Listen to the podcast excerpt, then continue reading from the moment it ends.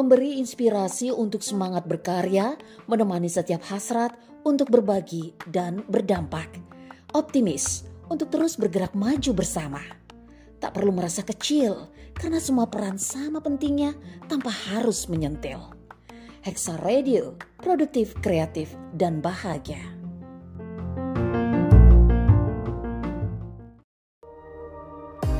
Dan obrolan yang seru tentang berbagai macam topik tentang hidup dan juga segala hal yang terjadi di sekitar kita. Menghadirkan para narasumber yang berkompeten. Simak Hexa Corner hadir setiap Kamis hanya di Hexa Radio.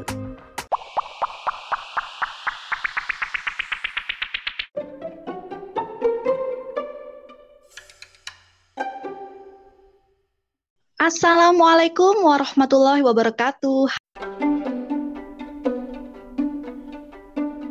Selamat datang di tanggal 7 pertama dan di hari Kamis pertama di tahun 2021. Semoga segala kebaikan di tahun 2020 akan terus berlanjut dan diikuti dengan banyak tambahan kebaikan-kebaikan di tahun ini. Dan tentu saja Semoga segala keburukan di tahun kemarin dihapuskan dan menghilang di tahun ini dengan tidak disertai keburukan yang lain. Amin, amin ya Robbal 'Alamin. Sahabat Hexa, banyak sekali ya kejadian-kejadian yang membuat kita tersadar bahwa segala sesuatu itu terjadi memang sudah ada takdirnya kita sebagai manusia akan terus berupaya untuk menjalankan peran di muka bumi dengan sebaik-baiknya dan penuh prasangka baik. Saling menjaga, menyayangi baik untuk manusia lain juga termasuk untuk alam bumi kita. Nah, sepanjang tahun 2020 telah terjadi wabah musibah yang mungkin belum pernah kita bayangkan akan terjadi di seluruh dunia bahkan di kota dan negara besar sekalipun dengan semua gedung megahnya dan segala kemajuan teknologinya tidak bisa menghindari takdir Allah jika Allah berkehendak ya. Banyak sekali ketakutan-ketakutan dengan adanya berita-berita menakutkan yang membuat cemas siapa saja yang membaca. Padahal harusnya kita tetap optimis untuk meningkatkan keyakinan kita, imun kita agar terhindar dari yang namanya virus. Nah, karena itu, agar kita tidak terjebak dalam perasaan takut yang tidak mendasar, maka kami hadirkan untuk sahabat Hexa seorang narasumber di acara Hexa Corner kali ini yang nanti akan menjawab beragam pertanyaan kita seputar virus, yaitu virus COVID-19. Bagaimana sih harusnya kita menghadapi beragam kecemasan, baik sebagai seorang ibu atau seorang warga dalam bermasyarakat, baik di lingkungan keluarga ataupun rumah atau komunitas yang lebih luas. Langsung saja ini dia Mbak Syahmawati Syahrir ya atau biasa disebut Mbak Emma, disapa Mbak Emma dari co-housing kesehatan yang saat ini berdomisili di Bulukumba, Sulawesi Selatan. Jauh ya. Hai Mbak Emma. Apa kabar Mbak Emma? Alhamdulillah Mbak Gina. Mbak Gina apa kabar? Alhamdulillah Mbak Emma sehat walafiat. Semoga selalu sehat ya Mbak ya. Amin, amin, amin. Amin. Nah, sahabat Hexa, Mbak Emma ini adalah seorang lulusan dari epidemiologi kesehatan masyarakat di Universitas Hasanuddin. Dan beliau ini juga sempat menjadi seorang dosen kesehatan masyarakat juga. Namun sekarang aktif di penelitian kesehatan masyarakat dan budaya ya Mbak Emma ya? Iya Mbak, terakhir aktifnya di 2019 kemarin. Ya, karena uh, diakibatkan karena pandemi kan, jadi uh, kami melakukan interaksi hanya melalui uh, Zoom dan sebagainya. Oh, webinar, webinar gitu ya Mbak Emma ya. Nah, Mbak Emma sebagai seorang ibu nih Mbak Emma di tengah-tengah keluarga, bagaimana sih Mbak Emma menghadapi atau menjalani peran di tengah pandemi COVID ini Mbak Emma? Banyak nggak sih yang berubah Mbak Emma? Atau okay. memang harus dirubah gitu? Sebelumnya uh, saya ucapkan terima kasih untuk kesempatannya. Gimana sih Mbak Emma menghadapi uh, pandemi gini di tengah-tengah masyarakat atau di tengah keluarga? Uh, baik, kalau uh, secara pribadi ya, secara pribadi belum kita berbicara masalah uh, secara epidemiologinya, ya secara awam sendiri sebagai masyarakat awam uh, hendaknya menghadapi masalah pandemi seperti ini dihadapi dengan uh, tenang saja. Uh, istilahnya kita mm-hmm. sersan serius tapi santai. Jangan terlalu sersan. ya sersan dan jangan terlalu panik. Jangan terlalu panik mm. menghadapi uh, pandemi yang seperti ini. Ibaratnya mm. uh, kita mengikuti protokol kesehatan, uh, insya Allah mm. segala sesuatunya pasti bisa di, uh, dikendalikan bisa dijalani dengan baik. Yang pasti uh, batin dulu ya apa uh, jiwa. Jiwa dulu. ya. Ah. kembali ke jiwa tenangkan tenangkan hati tenangkan pikiran. Itu dulu mm -hmm. yang kita panik apa penyakit apa pun pasti akan menggerogoti tubuh kita. Ini seperti itu jadi bukan penyakit saja tapi semua penyakit. Kapan kita panik kapan kita uh, uh, istilahnya emosi di luar kendali, maka penyakit mm -hmm. akan tubuh kita. Jadi ikuti yeah. kesehatan sebenarnya uh, istilah seperti misalnya cuci tangan, uh, pakai masker, mm -hmm, 3M, betul. Itu sebenarnya di kesehatan masyarakat sudah sering mm -hmm. uh, kami lakukan dalam artian pada saat uh, teman-teman mahasiswa praktek lapangan. Istilahnya hmm. PHBS. Oh, PHBS perilaku hidup bersih dan sehat. Oke, oke. Okay, okay. salah satu hmm. dari item PHBS itu adalah cuci tangan. Lebih uh, lebih higienis sebenarnya itu langsung cuci tangan di bawah air yang mengalir menggunakan sabun. Sabun. Ya. Betul betul betul dibandingkan hand sanitizer ya. ya. Kalau penggunaan -hmm. hand sanitizer itu uh, hanya boleh dipakai kalau misalnya kita bepergian dan di hmm. tempat tersebut tidak ada air. Hmm, dalam keadaan yang memang tidak ditemukan air yang mengalir, Emma ya, hand sanitizer menjadi alternatif untuk kita membersihkan tangan gitu. Ya. Kalau kita selama satu tahun terakhir ini sering sekali mendengar di mana-mana tadi saya seperti Mbak Emma bilang sering-sering cuci tangan. Padahal hal ini juga udah sering dilakukan Mbak Emma ya sebelumnya. Nah ada nggak hal-hal lain yang ternyata memang harus kita rubah nih gitu. Mau nggak mau kita harus uh, dirubah gitu. Atau sebenarnya nggak juga gitu Mbak Emma. Pola hidup sebenarnya Mbak. PHBS mm -hmm. inilah yang paling mendasar. Yang paling mendasar Baik. untuk dijadikan pola hidup uh, bersih dan sehat kebiasaan baik itu yang PHBS-nya dulu, PHBS dalam rumah tangga intinya. Misalkan saat ini uh, seseorang ini merasa sudah melakukan yang tadi disebut menjaga perilaku hidup bersih dan sehat, Mbak Emma. Masih wajar nggak sih kekhawatiran-kekhawatiran itu Mbak Emma di tengah masyarakat? Ya wajar-wajar saja ya Mbak ya. Sebagai manusia biasa ya pasti uh, pasti ada ada kekhawatiran yang berlebih sampai kita panik. Apalagi sekarang stigma stigma uh-huh. COVID itu jauh lebih kalau kalau dari pandangan kami stigma COVID jauh lebih lebih tinggi, lebih besar dibandingkan dengan stigma uh, kusta. Oh begitu ya, Mbak Emma ya. ya. Ternyata di tengah masyarakat stigma COVID itu malah lebih tinggi ya. Ya, Wah ini menarik juga nih. Saya malah baru baru ngeh nih Mbak Emma.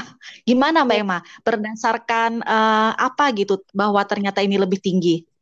Uh, berdasarkan data yang kami terima, ternyata kalau uh, dalam satu, misalnya dalam satu dusun ya, dalam satu dusun atau dalam lingkup kecilnya saja dalam satu RT ada ya. yang positif COVID. COVID itu kecilkan. Terus itu gimana Mbak Emma? Nah, uh, hal yang seperti itu uh, ini sebenarnya kembali lagi ke pendidikan. Kembali ke pendidikan. Edukasi ke tengah masyarakat ya Mbak Emma ya? Uh, sebenarnya harus harusnya bukan hanya bukan hanya tim tim uh, kesehatan entah itu tim medisnya kah atau para medis atau kesehatan masyarakat yang yang punya tugas untuk uh, menyampaikan hal tersebut, tapi sebenarnya ada koordinasi antar antar sektor, uh, lintas mm -hmm. sektor um, untuk sama-sama memberikan edukasi tersebut kepada masyarakat. Terakhir saya baca ada di Jogja, tapi saya lupa-lupa ingat di desa mana uh, tetangganya itu malah ingin mengusir empat orang tersebut untuk keluar dari desa mereka. Astagfirullah, gitu sampai uh, karena mereka merasa COVID itu semacam ini, Mbak Emma ya, kayak penyakit entah penyakit kutukan atau apa ya. seperti itu, jadi sampai dikucilkan. Ya. Kasihan juga Mbak Emma. Terus gimana itu Mbak Emma menyikapi uh, ada masih adanya masyarakat atau warga yang tadi masih merasa bahwa COVID-19 ini adalah sebuah uh, aib kali Mbak Emma ya? Tadi iya. edukasi tadi ya Mbak ya?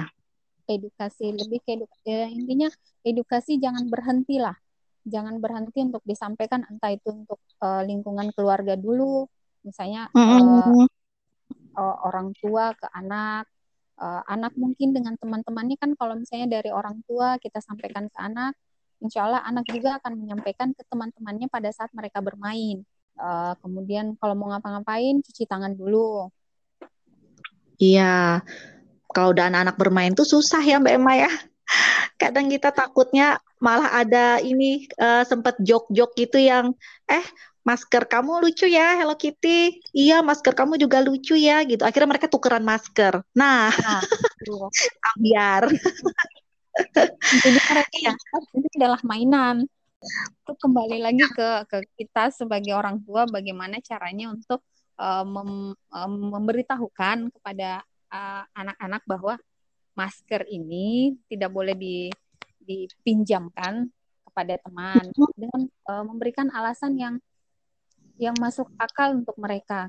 Pasti kan ada yang bertanya lagi, loh, kenapa Bu? Kenapa tidak boleh dipinjamkan? Bukannya kalau ada iya. teman yang meminta kita harus kasih, cina. Nah, betul. Jadi udah jelaskan ya, biar anak-anak mengerti gitu. Kenapa sih ya. jadi nggak boleh? Kenapa harus ini gitu, Mbak Emma ya? ya. Jangankan anak-anak, Mbak, orang tua pun kadang susah harus diberikan edukasi seperti itu. Malah tantangannya lebih besar ya kepada orang dewasa Benar. memang ya, ya. daripada anak-anak. Sewaktu hmm? turun lapangan menyampaikan ya. sebelum pandemi ya, kita menyampaikan yeah. kembali tentang PHBS ke salah satu desa mm -hmm. di Kabupaten Bone. Mm -hmm. uh, di sana mereka dengan santainya mengatakan bahwa kami sampai detik ini sehat-sehat saja, walaupun kami tidak pernah melakukan cuci tangan, entah itu pada saat mau makan, pada saat pulang bekerja dari sawah, toh kami masih sehat-sehat saja. Nah itu nah. yang jadi jadi bumerang buat kami. Karena yang kita uh, tujuan kita meminta mereka untuk menjalankan kayak cuci tangan itu supaya sehat kan. Nah, ternyata mereka iya. bilang iya. tanpa cuci tangan juga udah sehat. Nah, lo itu iya. gimana? Mbak Emma akhirnya gimana tuh Mbak Emma? Kita harus menjawab mengedukasi yang seperti itu. Jadi kami menyampaikannya tidak melalui lisan, Mbak, tapi melalui gambar, melalui video. Kita hmm. membandingkan hmm. um, antara tempat atau lokasi yang uh, atau uh, istilahnya ya satu tempat yang tidak pernah melakukan uh, eh, PHBS dan yang misalnya lokasi A tidak melakukan PHBS, lokasi B melakukan PHBS. Mulai hmm. dari hmm. masyarakatnya, lingkungannya itu akan berbeda. Nah, di situ mereka mulai oh iya, akhirnya mereka mulai sadar uh, mengakui bahwa oh iya benar. Uh, oh. Akhirnya mereka mulai men, uh, apa menyampaikan satu persatu bahwa ternyata mereka belum punya jamban, belum hmm, iya. Nah, ini semua spal dan sebagainya. Nah, itu juga karena COVID kan awalnya dari flu. Betul kan katanya virusnya sejenis flu gitu ya, Mbak Emma ya. Itu. Bentuk virusnya itu. Iya, makanya Mbak Emma, ini itu kan sebelum COVID Mbak Emma ya dan itu kita mungkin agak sedikit maklum kalau itu terjadi di sebuah dusun yang mungkin uh, tingkat tingkat pendidikan masyarakatnya rendah gitu Mbak ya. Emma ya.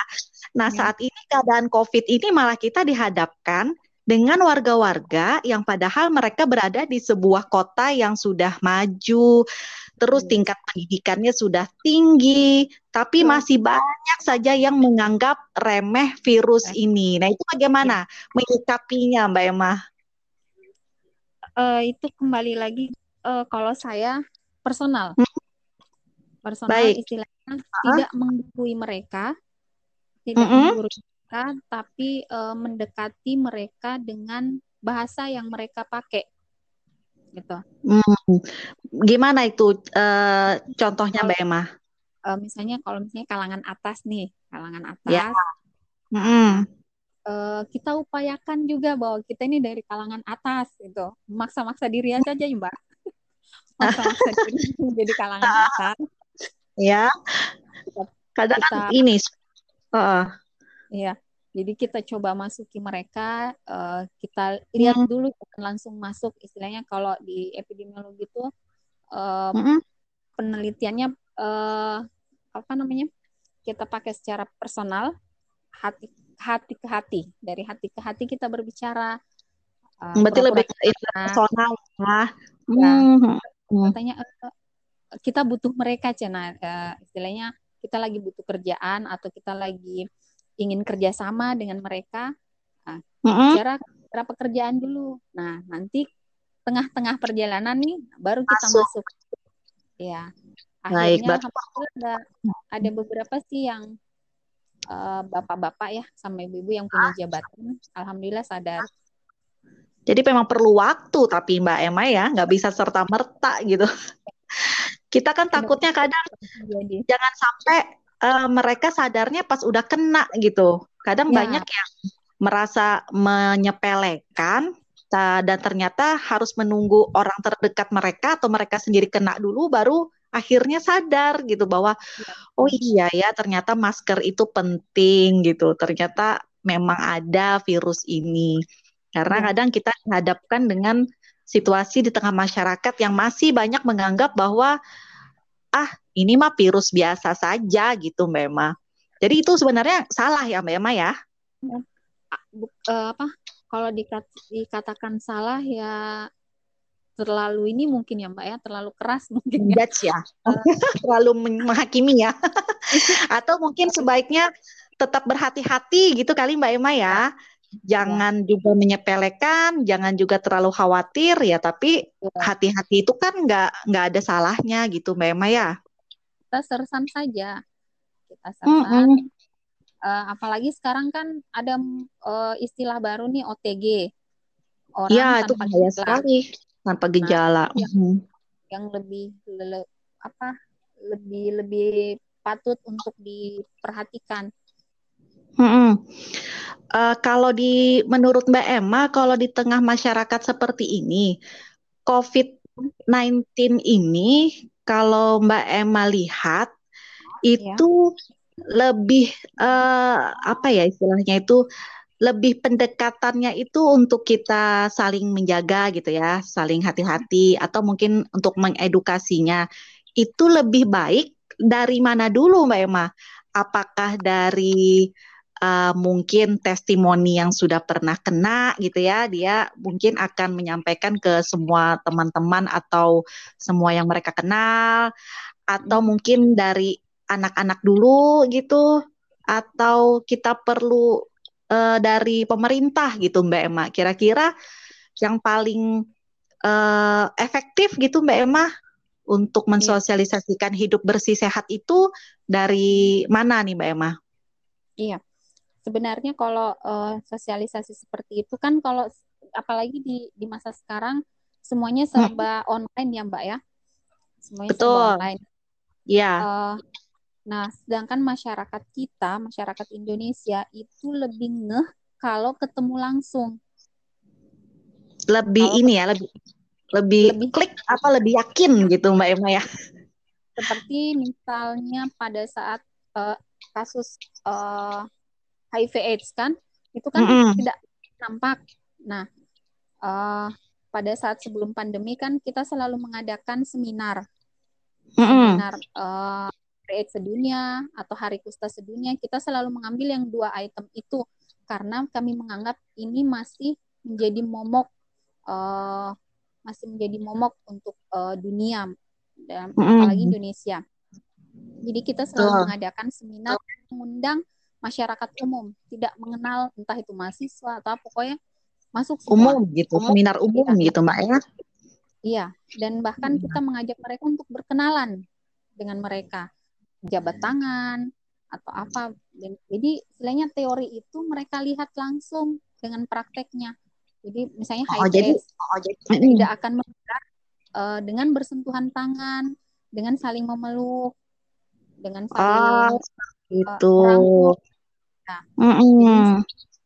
Juga harusnya uh, ada sosialisasi seperti itu dengan menghadirkan uh, mantan penderita.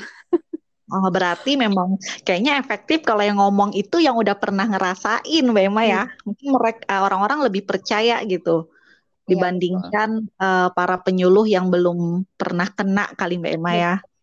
Karena hmm, terkadang Mbak tidak tidak tidak uh, saya tidak uh, apa namanya? tidak tidak memungkiri bahwa hmm. ada beberapa teman kalau misalnya turun menyuruh itu bahkan uh, lupa salah satu protokol kesehatan yaitu nah masker. itu betul mungkin kalau masker itu kadang masih bisa ingat mbak ya tapi kadang yang kalau saya nih ngelihatnya yang lebih sering lupa itu yang menjaga jarak kalau ya. kalau saya melihat gitu mbak Emma kayaknya susah sekali menjaga jarak gitu apalagi kalau kita lagi jalan sama temen ya, ya. itu kayaknya kalau jaga jarak kok aneh Iya nggak sih, Mbak Emma?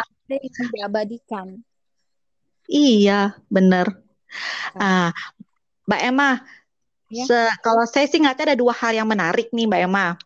Satu, tadi kata Mbak Emma, stigma masyarakat terhadap penyakit COVID-19 ini ternyata lebih tinggi dibandingkan penyakit yang uh, seperti AIDS ya. Eh, kusta. Uh. Tapi di satu sisi juga banyak masyarakat harusnya kan ya kalau stigma masyarakat ini menganggap ini penyakit yang mohon maaf tanda kutip seperti aib atau apa harusnya mereka takut kan kena penyakit itu ya. Tapi ya. di satu sisi ternyata masyarakat kok saya ya ngelihatnya ini berdasarkan saya ngelihat itu masih menganggap penyakit ini sepele karena masih banyak yang tidak patuh terhadap protokol kesehatan. Nah ini ya. bagaimana Mbak Emma? Iya, itu Menurut Mbak itu Emma. tersendiri. Karena ha. banyak orang memang yang melihat uh, misalnya kan uh, suatu daerah dikatakan sudah dikategorikan misalnya zona merah. Betul. Zona merah. Tapi uh, misalnya misalnya uh, Mbak Gina nih datang ke Bulukumba. Terus ya. anggap saja Bulukumba sedang berada di zona merah. Zona merah. Tapi Mbak Gina di Bulukumba orang-orang orang-orang di Bulukumba pada pada santai masih berkeliaran iya. jual di pinggir jalan kayak nggak ada zona-zona merahnya gitu mbak ya nah, jadi uh, jadi istilahnya modal kepercayaan itu sudah hilang jadi hmm. banyak orang adalah hoax saja. Betul. Atau memang karena, karena kebutuhan ya kebutuhan kebutuhan ekonomi kebutuhan bersosialisasi sehingga mereka mungkin lupa atau malah jadi abai kali Mbak ya? Uh, ya, bisa jadi seperti itu. Uh, karena juga tidak ada jaminan ya, tidak mm -hmm. seperti bukannya berarti bilang uh, kami uh, membandingkan antara negara A dengan negara B, mm -hmm. tapi kalau di negara di negara sana, ya, yeah. penduduknya uh, untuk tidak keluar rumah pada saat masa pandemi awal kemarin uh-huh. itu betul-betul mereka mensuplai uh, uh, bahan bahan-bahan kebutuhan rumah tangga. Iya, jadi mereka bukan nggak bisa keluar, eh memang nggak perlu keluar gitu ya. Sepi, jalanan tidak ada, pokoknya uh, seperti kota mati. Betul ya sih, yang saya banyak lihat video yang beredar seperti itu. Iya. Benar-benar. Jadi, Jadi intinya uh, memberikan kepercayaan penuh kepada masyarakat itu khususnya masyarakat kita di Indonesia itu uh, suatu tantangan ya iya. suatu tantangan berat sih sebenarnya karena iya. uh, edukasi terlalu minim jujur kami katakan seperti itu karena uh, dulu di bangku pendidikan kami selalu diajarkan untuk berkata yang apa adanya. Hmm. Hmm. Nah, epidemiologi kesehatan masyarakat umumnya labnya kami itu adalah masyarakat bukan dalam ruangan. Iya langsung ya langsung ke iya. masyarakat ya. gitu mbak ya. Itu adalah lab kami jadi uh, para pengajar kami selalu berpesan bahwa katakan apa adanya, katakan yang sebenarnya kepada mereka supaya mereka percaya kepada kita, percaya kepada eh, orang-orang uh, yang memberitahukan tentang kebaikan. Betul, menarik juga nih. Beritahukan, jangan menggurui, karena hmm. terkadang banyak yang seperti itu. Biarkan mereka melihat ya, dan mereka akhirnya belajar ya. dari yang mereka lihat sendiri gitu. Jadi nggak merasa digurui gitu, Mbak ya. Dan uh, yang lebih penting masuk ke dalam uh, zona mereka pakai mm -hmm. bahasa mereka, dekati mereka dari hati ke hati. Itu yang paling penting. Nah, itu pasti kan ada banyak yang uh, sering kita kutip anunya uh, pernyataannya bahwa kalau apa-apa yang disampaikan dengan hati pasti sampainya ke hati. Sampai ke hati, iya benar. Saya percaya banget sih itu Mbak Emma. Apa-apa yang dari hati sampainya ke hati. Uh, Mbak Emma, waktu kita ya. itu terbatas ya. Padahal ini sahabat Hexa mungkin masih banyak banget nih mungkin pengen juga gitu ya. Sebenarnya iya. nanya andaikan di Hexa Radio ini bisa langsung nanya. Tapi uh, semoga ya Mbak Emma ya apa yang kita bicarakan di sesi Hexa Radio kali ini bagaimana uh, eh, COVID-19 di tengah masyarakat dan bagaimana masyarakat menghadapinya dan kita juga bagaimana cara memandang sebuah pandemi ini Semoga bermanfaat ya Mbak Emma ya untuk semua sahabat Hexa yang mendengarkan. Saya persilahkan Mbak Emma melakukan uh, closing statement ya atau mungkin sebuah uh, himbauan atau mungkin sebuah uh, apalah itu namanya yang bisa membuat uh, sahabat Hexa khususnya bisa menjadi lebih uh, ini lagi lebih imunnya meningkat gitu karena perasaannya tenang. Bagaimana, Mbak Emma? Silahkan, Mbak. Baik, uh, buat teman-teman uh, Hexa, uh, hendaknya kita selalu berpikiran positif, uh, jaga jiwa untuk tetap uh, jernih dan pas yang pastinya selalu beribadah, ingat kepada Allah bahwa segala sesuatunya itu pasti sudah uh, garis tangankan. Sudah ada garis tangannya dan jangan panik. Yang paling penting jangan panik apa pun mm -hmm. yang terjadi pada kita. Uh, kalau untuk yang muslim perbanyak istighfar. Itu aja, Mbak. Insya Allah. Penyakit Amin. apa pun pasti bisa kita lalui. Amin, betul, setuju. Nah, jadi tadi sahabat Hexa kata Mbak Emma positif Jiwa jernih, ibadah ditingkatkan, dan yakinlah segala sesuatu sudah sesuai takdir Allah. Dan tadi poin juga, don't panic ya, Mbak Emma ya. Jangan panik. Iya, Mbak Emma, nggak terasa ya Mbak Emma sudah 30 menit kita berdialog bersama, berbagi cerita yang bermanfaat ini insya Allah pasti bermanfaat. Mbak Emma terima Amin. kasih banyak ya Mbak Emma ya atas semua Amin. waktunya, uh, kesempatannya. Semoga nanti next kita bisa bicara lagi tentang hal yang lainnya ya Mbak Emma ya. Um, terima iya. kembali Mbak. Terima kasih Mbak Emma. Baik sahabat Hexa, terima kasih telah mendengarkan uh, Hexa Corner kali ini dan kita bertemu lagi di Hexa Corner yang lainnya dengan tema yang berbeda. Terima kasih. Assalamualaikum warahmatullahi wabarakatuh. Dah.